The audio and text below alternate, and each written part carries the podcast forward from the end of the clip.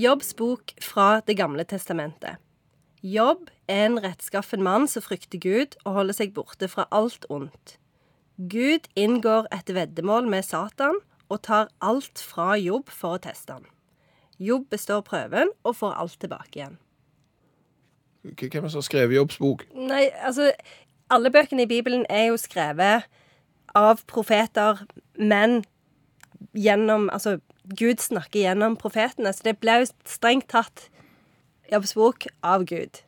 Det er den første boka vi har hatt av han. Han har skrevet mange. OK. Ja. Eller hun. Ja, eller hun. Det første jeg tenker, Her er det jo noen som tror at Jobbs bok handler om grunnleggeren av Apple. Det er det ikke. Eh, samtidig så er jo Jobbs bok en del av Bibelen, og vi presenterer klassisk litteratur. Ja. Og så tar du på en måte et kapittel her, eller en bit av den. Hvorfor det? Relevant innspill, Skjæveland. Ja, ja. det er fordi Jobbs bok er en del av noen bøker i Bibelen som kalles for, kalles for de poetiske bøkene. Og det er faktisk nesten den eneste boka i Bibelen som blir regna som et klassisk litterært verk. Og den blir undervist på litteraturvitenskap rundt om i det vide land. Eh, og grunnen til det er at Jobbs bok tar opp det ondes problem. Eh, Det stiller spørsmål som hvordan kan Gud, hvis Gud er rettferdig, hvordan kan han la vonde ting skje med gode mennesker? Er det lang bok? Nei, den er ikke så veldig lang. Eh, så det som skjer, det er at det, eh, Gud snakker med, med sine sønner, blant de Satan, og så sier han se, Har dere sett jobb? Han er ganske Han liker jeg. Og så sier Satan han, han er bare god fordi han har det så godt. La oss se, se hva som skjer hvis du tar fra han alle tingene. Så da tar Gud og så først dreper alle dyrene hans. Ja, Det må du gjøre. Ja. Ja. Eh, punkt to eh, lar eh, taket falle sammen i huset og drepe alle ungene hans. Det er helt vanlig. Punkt tre eh, lar han få masse sykdommer, eh, bullerelaterte sykdommer. Eh, så til slutt så sier kona til han Jobb, nå er det nok. Nå kan du like godt bare spotte Gud og dø. Men Jobb, han gjør ikke det. Han tar jobben, på en måte. Han tar jobben, går ut i ørkenen, setter seg ned og venter det ut. Og det er moralen. Nei, moralen er at du kan ikke forstå hva Gud holder på med.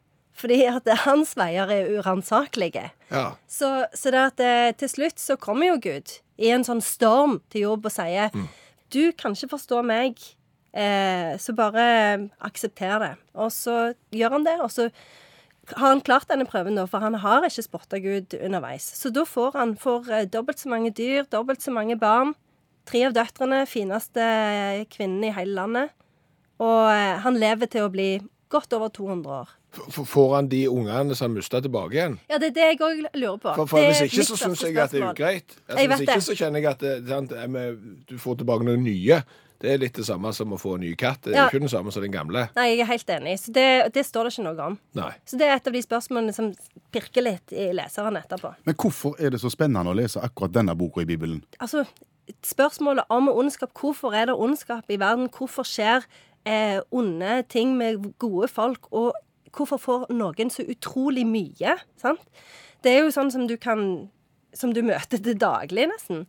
Eh, og, og, og, og Jobbs bok den er utrolig moderne i måten han takler disse spørsmålene på, så du kan faktisk lese den og tenke at dette faktisk har noe å gjøre med meg i dag. Er det et sitat fra Jobbs bok du har lyst til å trekke fram? Jeg har et. Jeg har dette.